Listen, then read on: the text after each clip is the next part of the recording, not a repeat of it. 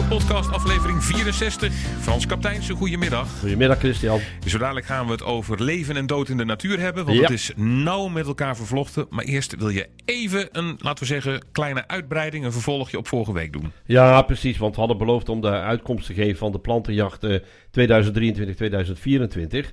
En eh, dat moeten we dan natuurlijk ook doen. Ja, Eh, zeker wel. De Nou, planten. het, ja. het leuke ervan is, deze plantenjacht is nog niet zo lang bezig. Maar er doen nu al eh, zo'n 570 mensen aan mee. Dat is alweer 100 mensen meer als vorig jaar. Kijk natuurlijk, we hebben 18, eh, bijna 18 miljoen Nederlanders. Dus dat is maar peanuts. Maar er zijn toch wel steeds meer mensen Ja, ja. die voelen toch wat voor om die plantenjacht verder te gaan volgen. Er zijn in totaal zijn er eh, 1414 tellingen hebben die plaatsgevonden. Ja. En er zijn 18.635 waarnemingen.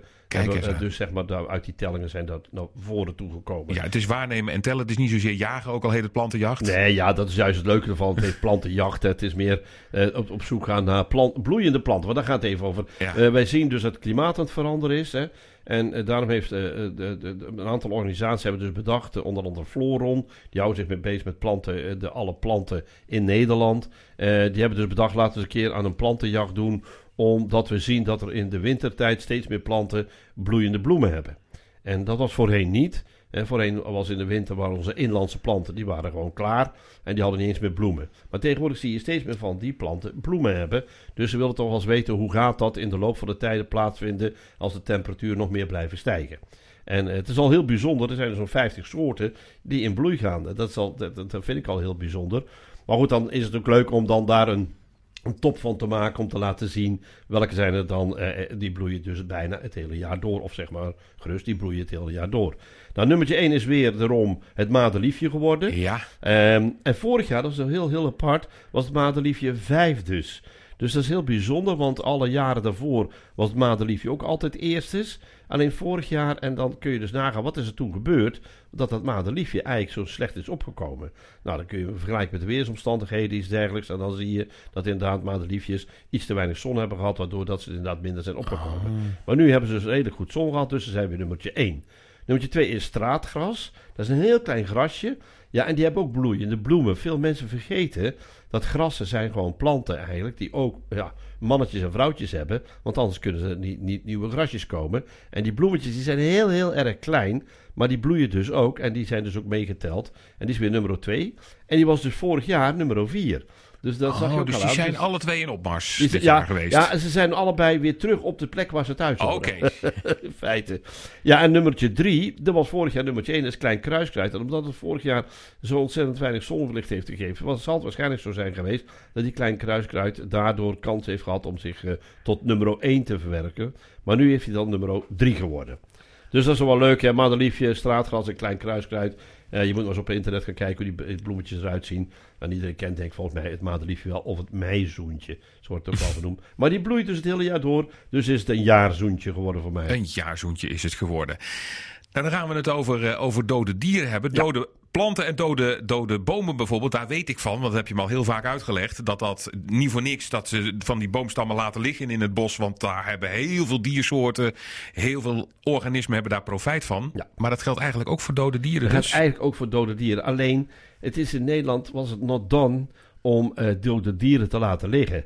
En in mijn tijd dat ik boswachter was, en zeker in de beginjaren, eh, dan hadden we wel eens een keer een, een, een, een ree of een koe die bij ons aan het grazen was, die daar dood lag. Ja. Nou, in paniek allerlei mensen bellen, bellen, bellen. Dat dier moet weg, want vreselijk. En hoe laat je het liggen? Schande voor het natuurgebied. eh, vre- nou, dat, dat soort, eh, dat soort eh, zeg maar, eh, reacties kwamen op ons af. Terwijl wij als boswachter wisten dat dat een heel belangrijk onderdeel is van het leven in een natuurgebied. Hè. Alles, want je hebt dus iets gaat opgroeien. Ja. Hè, maar ook dieren, maar ook planten, ook bomen, je zegt het zelf. En uiteindelijk sterft het. En dan betekent dat, als je dat in zijn totaliteit ziet, blijft de biomassa in zo'n gebied altijd hetzelfde. Maar als je het er weg gaat halen, dan haal je dus eigenlijk heel veel voedsel weg. En dat beseffen veel mensen niet. En ik weet wel, het is niet zo'n prettig beeld om naar een dood dier te kijken, waar dan zeg maar allerlei eh, zeg maar gaten in zitten en happen vlees uit zijn genomen. Ja, nee. En eh, soms zijn de huiden sterker dan dat, eh, dan dat de rest van het vlees is. Het vlees wordt opgegeten en dan zie je in één keer onder zo'n dode koe in één keer een beweging ontstaan. Dus ik krijg natuurlijk laplater. Dan denk je, je gaat er best nou weer leven. Ik heb zelfs een keer meegemaakt dat iemand een, een slang bij ons binnenbracht. En eh, toen, eh, de- die had dan zo'n dode slang gevonden. En die had hij binnengebracht in het bezoekerscentrum waar ik toen werkte. En eh, op een gegeven moment komt er iemand naar me toe. Ja, maar volgens mij hebben ze een levende slang mee- binnengebracht. Ik zeg, nee, dat zijn de dieren die die slang op het eten zijn van binnen. En die bewegen. Dat moet je ook maar weer net weten. Je schrik je een ongeluk ja, natuurlijk. ja, je schrikt over. Want dan denk ik, die slang op Bali begint rond te kruipen. Maar dat is niet zo. Nee, dat Dit is is niet zo. gewoon een dood dier. Nee, en er zijn dus heel veel dieren van afhankelijk. En het grappige ervan is dat je daardoor ook ziet, bijvoorbeeld eh, soorten als ehm, de raaf, die komt, is teruggekomen. En dat heeft, dankzij dus overal dat er kadavers zijn blijven liggen. En wat we in het beginsel deden, ehm, we deden dat toch wel, maar dan zorgde ervoor dat het niet in de plekken was waar mensen langs liepen of Nee, want dat snap ik. Want als je met je, ik noem eens wat, met, met de kinderen of met de kleinkinderen of met de buurkinderen, zeker als het kinderen zijn dus, aan de wandel bent en je ziet daar inderdaad zo'n half gevreten koe, dan snap ik best dat, je, dat die kinderen slecht gaan slapen die nacht. Nou ja, dat, dat denken wij. Hè? Maar er zijn dus proeven gedaan dat kinderen juist veel meer openstaan voor dat soort eh, zaken dan volwassen dieren. Ja, ik neem mezelf even als... Sorry, volwassen mensen. Volwassen mensen, nee, ik neem mezelf, ik neem mezelf even als voorbeeld ja. hoe ik was toen. Ik denk dat ik daar niet heel fijn van geslapen had hoor. Nou, en als je dat ziet, we hebben de Stichting ARK heeft een aantal eh, proeven ondernomen om te laten zien hoe denken mensen nu tegenwoordig over dode dieren. Kijk, je moet dus natuurlijk al voorstellen dat we al sinds een nou, jaar of uh, 20 bezig zijn om het publiek duidelijk te maken dat dode dieren een onderdeel zijn van een natuurlijk bossysteem of een natuurlijk ecosysteem. Ja. En eh, doordat er zoveel over gepraat wordt en ook in eh, klassen les worden gegeven, kinderen worden meegenomen op educatietochten, beginnen die kinderen steeds meer te beseffen dat dat er inderdaad een onderdeel is van het, van het, zeg maar het, het ecosysteem van een, eh, van een bos of heide of moerasgebied of waar je dan ook dat treft. En eh Stichting Ark is een aantal proeven gaan doen om mensen mee te nemen naar de kadavervelden, waar dus kadavers liggen. Ja. En dan bleken dus de kinderen inderdaad veel minder eh, daar eh, eh, raar naar te kijken dan volwassenen. En ik denk ook dat het te maken heeft dat internationaal ook veel vaker eh, eh, eh, tv-films laten zien dat er dode dieren een belangrijk onderdeel zijn van het leven van een, een, een, zeg maar een, een ecosysteem in zo'n gebied. Ik denk dat dat ook wel mee te maken heeft. Maar ook langzamerhand dat alle boswachters uitleggen dat een dood dier, net zo goed als een dode boom, een heel belangrijk onderdeel is voor het voorbestaan van soorten. En het mooie daarvan is dat, eh, inderdaad, net al zei, raven, die hebben heel lang gehad in Nederland, maar op een gegeven moment gingen ze verdwijnen. Doordat er steeds meer eh, natuurbeschermingsorganisaties eh, dode konijnen, dode reeën het bos weer introkken. Het stel dat een, ree was doodgereden op een weg, dan haalden ze hem op en dan legden ze hem in het bos neer. En daardoor kreeg je steeds meer mogelijkheden voor al dit soort kadavervreters eh, kansen om zich te ontwikkelen weer. En raaf is dus weer een broedvogel Weer van Brabant. dan. Eh, ook met de buizerd, precies hetzelfde. We hebben weer meer buizerds. We hebben een hele grote klap gehad wat de buizerd betreft, omdat die heel veel last hebben gehad van een zwaar landbouwgif, DDT. Dat is uiteindelijk helemaal verboden. Maar die buizenstand was dus op een gegeven moment erg laag. Maar doordat er weer kadavers kwamen te liggen. Want een buizerd is eigenlijk een hele slome roofvogel. Die kan alleen muizen vangen en mollen. Maar achter vliegende vogels hoeft hij niet achteraan te gaan, want dan redt hij dat Die weet hij toch nooit niet. Die Dus nooit. kadavers zijn een heel grote oplossing. En je ziet ook heel veel buizerds. Die zitten langs de kant van snelwegen. Ik heb er van de week een zien zitten, Ja, precies. Frans. Serieus, ik kwam er langs rijden. Ik dacht van, oh, ik, kan- jij kan geen foto maken dan. dan krijg je nee, dat is lastig. Ja, dan krijg je... Maar ik dacht van, oh, dat moet ik Frans nog vertellen. Want er zat er inderdaad, ik dacht eerst van, zit daar nou een groot konijn? Maar ik denk, nee, daar zit, daar zit volgens mij een buizerd. Ja, dat kan. En die zat inderdaad langs de A59. Ja, en dan zitten ze te wachten totdat ja, dus de verkeersslachtoffers komen. Hè. Dat Daar zat hij op te wachten Ja, dus? dat is echt serieus. Die wachten, hè, want die weten dat dus verkeersslachtoffers daar kunnen vallen. En daarom zitten ze langzaam. Maar dan zie je ook dus heel vaak kraaien en kauwen en ecstasy die ook langs de snelweg zitten. Die zitten daar, oh, wat Om gewoon te dat dat wachten net- tot ja. er weer een beetje ja, naar beneden toe komt vallen. Ik Of, dacht, eh, wat zit hij daar te doen? Maar dat is gewoon, die zat gewoon te wachten Ja. totdat wij een keer een kat eh, zouden... Ja, bijvoorbeeld kat of hond of, of maakt niet uit, een ree of een, eh, of een mol of iets dergelijks. Maar de tweede is wel zo dat, ehm, en, en zeker nu de, de, de, de, de, vorst er is geweest de afgelopen tijd, hè. Er is een vorst geweest, dat betekent dus dat de eh, eh, grond ook een beetje bevroren is. Maar langs snelwegen is dat dus niet. nee. Want omdat er dus eh, auto's overheen rijden, krijg je een warmte. En die warmte zorgt ervoor dat die bermen van snelwegen dat die, eh, helemaal mooi open blijven. En dat betekent dat veel dieren, zoals muizen en mollen, die trekken daar naartoe. Aha. Om daar zeg maar hun- van een kostje te winnen. En daar gaan de buizers weer op af, want die vangen dan zo'n mol of zo'n muis. Die vangen ze dan in zo'n eh, berm. Kijk Dus die eens. bermen die zijn heel erg belangrijk. Vandaar dat ik ook al een keer een actie heb ondernomen. Bescherm de berm. Mhm. Want ik vind dat zijn eigenlijk fantastisch mooie aaneensluitende natuurgebieden. Wij noemen dat ecologische verbindingszones. Maar dat betekent dus inderdaad, daar weten die dieren alles van. Nou, terug naar de dode dieren. Eh, wat ook opvallend is, dat zelfs eh, mensen die eh, heel bekend zijn met insecten, verbaasd waren over hoeveel insecten op een dood dier zaten. Er is ooit een keer gemeten door iemand dat er in een dode wiesent, die was blijven liggen in Haashorst, Dat zijn wel best behoorlijke dat beesten. zijn ook, hè? behoorlijke Ja, ja, beesten. er zaten meer zijn dan dat, duizend aaskevers op. Meer dan duizend aaskevers. Zo, ja. Ja, dus dat betekent inderdaad dat duizend dieren hebben dan voedsel.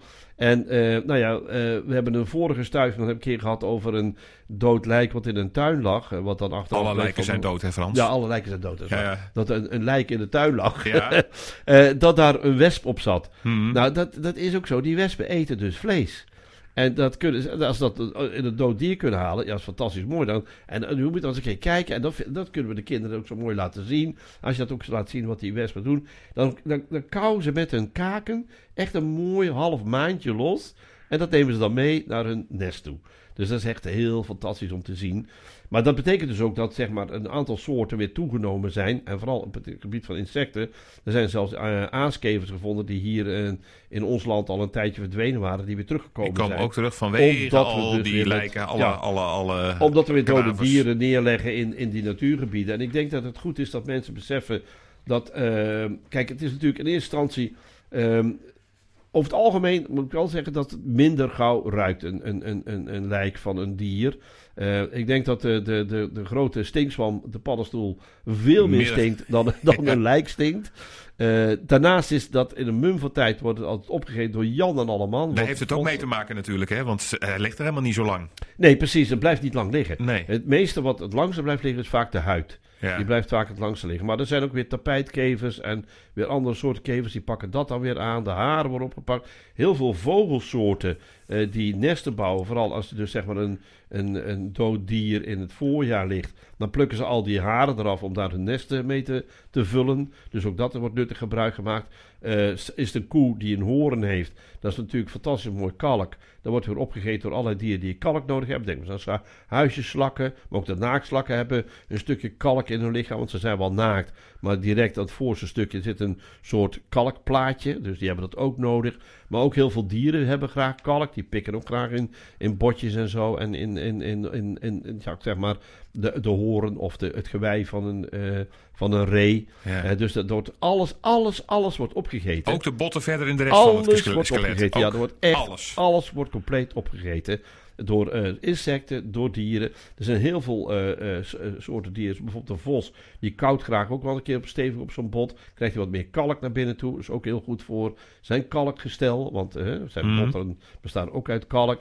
Dus iedere, iedere, zeg maar, eh, ja, dood dier. Alles, alles, maar ook alles wordt opgegeten. Alles wordt opgevreten. En het grappige ervan is, soms verwachten mensen niet bepaalde soorten. Maar bijvoorbeeld een grote weerschijnvlinder zit ook graag op lijken. Die, die heel graag op dode, dode dieren, omdat daar zouten loskomen. Want ook zouten zitten erin. Dus je moet je voorstellen, zo'n bonk wiesent, hoeveel voedsel dat is voor heel veel diersoorten. En we moeten maar gewoon langzamerhand wennen dat dit iets is voor het belang van de natuur. En niet zozeer van, oké, er ligt een dood dier, dat is erg. Nee, wat daar ligt is voedsel. ja, Zo moet, je zo moet je er ook naar kijken. Ja, precies. Maar als het als soort van tussenvorm dat je dan toch hem wel een klein beetje uit het zicht van waar de meeste mensen langskomen? of, Nou, eh, sowieso. eh, kijk, langs een fietspad, eh, eh, dat proberen we toch wel een beetje aan de kant op te ruimen. Het is A, eh, voor de mensen is het niet, misschien niet prettig om te zien, alhoewel ik vind, ik vind het mooi om te zien. ja, En ja, zijn ja, steeds ja. mensen, ja, steeds mensen die het mooi vinden, maar goed, ik ben misschien daar een uitzondering in. Ja. Maar het is ook voor een dier. eh, eh, kijk, die dieren die weten precies wat fietspaden zijn. Dat zijn eigenlijk van hen eh, vijandige stukjes. Dus er blijven heel veel dieren ook weg daar. Dus het moet Er vandaag. blijven ook heel veel dieren weg. Kijk, Ja. insecten niet. Die, insecten die niet, komen hè. overal. Ja, die Maar een vos zal zich twee keer bedenken voordat hij aan een, een dood dier bij een, een fietspad oppakt. En zeker als het een druk bezet fietspad is. Dus dan slepen het toch wel een eindje verder het Ja. bos in. Maar het kan zomaar voorkomen dat er een, een lijkje ligt van een mol. Ja, die gaan we dan niet weghalen. En, en dan op dat moment wordt dat wel helemaal opgegeten door allerlei keversoorten. Maar ook uh, slakken die eraan beginnen. En ja, dat is dan toch leuk om te zien dat het uiteindelijk allemaal verdwijnt. Want als je na verloop van tijd kijkt, dan zie je er ook geen enkel spoor meer over van zo'n dier wat daar gevallen is. Zelfs niet van die wiescenten. Het duurt nog wat langer Ja, natuurlijk, als een mol. Maar eh, ook daar blijft niks van over. Alles, is, alle, alles wordt opgegeten. En als je dan toch bij je wandeling door het bos een keer zo'n dood dier tegenkomt. en het is echt net langs zo'n wandelroute. dan zou je wel even kunnen bellen van misschien kun je die even een eentje het bos Ja, in, dat zou je kunnen doen. Of eh, als jij het zelf leuk vindt, dan moet je eerst eens je kijken wat er doen. allemaal in zit. Oh Want ja, dat zou is leuk. Hè? Zelf Eerst kijken met, een, met eh, welke diertjes zitten erin, wie hebben er aan zitten eten en zo. Dat is natuurlijk ook wel kei leuk. Ja. Maar als je het vindt dat het een beetje te dicht op het fietspad ligt, dan, dan vraag je de boswachter van joh, sleep er eentje verder neer. Dan hoeven andere mensen zich daar ook niet aan te storen. Nee. En dan kunnen dieren toch eh, op een dooi gemak gaan zitten eten. Het dooie gemak. dieren ook heel erg prettig. Maar ik zou eerst aanraden, kijk eens een keer goed. En maak een mooie foto en stuur die even Ja, naar ja, stuur maar hier naartoe. Hè. Dan kunnen we eens kijken wat er allemaal aan, aan beestjes op zitten. Want eh, ik vind het altijd kei leuk. En zeker als het zeg maar wat grotere dieren zijn. eh, wat daar allemaal op zit. Ik, dan vind ik het geweldig om te, te zien wat voor insectensoorten. Is enorm wat er aan eh, op kan zitten. Ik hoop dat mensen beseffen dat eh, dode dieren, net zoals dode bomen, eh, een belangrijk onderdeel zijn voor het eh, leven in, in, een, in, een, in een natuurgebied. Dode bomen beginnen mensen ook steeds meer aan te wennen. Ik merk ook dat in mijn leeftijd, of in mijn leeftijd, in mijn loopbaan van, van boswachter, dat in het begin mocht ik dia-lezingen geven. We hadden ook dia-lezingen, laatst zijn PowerPoint-presentaties geworden. Maar dan gaf je een dia-lezing met echt zo'n dia-apparaat. En dan gingen naar een, een, een, een, bijvoorbeeld een, een, een centrum toe, bejaardencentrum Heuzen, zag ik nooit meer vergeten. Dan ging ik een dia-lezing geven. En dan, ik had dus ook al foto's liggen van omgevallen bomen. En bomen op de grond lagen, vol met zwammen zaten. En dan begonnen de mensen meteen tegen mij te roepen op een gegeven moment van... Ja, kunnen jullie die rotzooi dan niet opruimen? En dan zei ik meteen als eh, staande altijd, zei ik van... Ja, wa- waar, waar zie je dan blik liggen of plastic? Ik zie helemaal geen blik of plastic. Ik zie geen rotzooi liggen. Ja, die, die beurmen die er allemaal op de grond liggen. Ja. Ja, nou ja, dat was dus zeg maar, als je dan zo'n zaal zat, en dan praat ik over begin jaren 90. Nou, dat was wel 90% van de mensen die vonden dat rotzooi, dode boom op de grond. En nu is dat andersom, En denk dat ik. wou ik net zeggen, want ik ben ook later een keer teruggegaan naar dat bejaardencentrum. Mocht ik nog een keer een lezing geven. Waar natuurlijk andere bejaarden Die, eh, snap je ook wel. die meneer die was inmiddels al. Iedereen was er ook wel verdwenen. Ja. Maar ehm, het, het leuke ervan was, toen ik op een gegeven moment over die dode boom begon, begon één man te zeggen, ja, waarom kunnen die rotzooi niet opruimen? En 89 mensen riepen van, eh, dat is geen rotzooi meneer.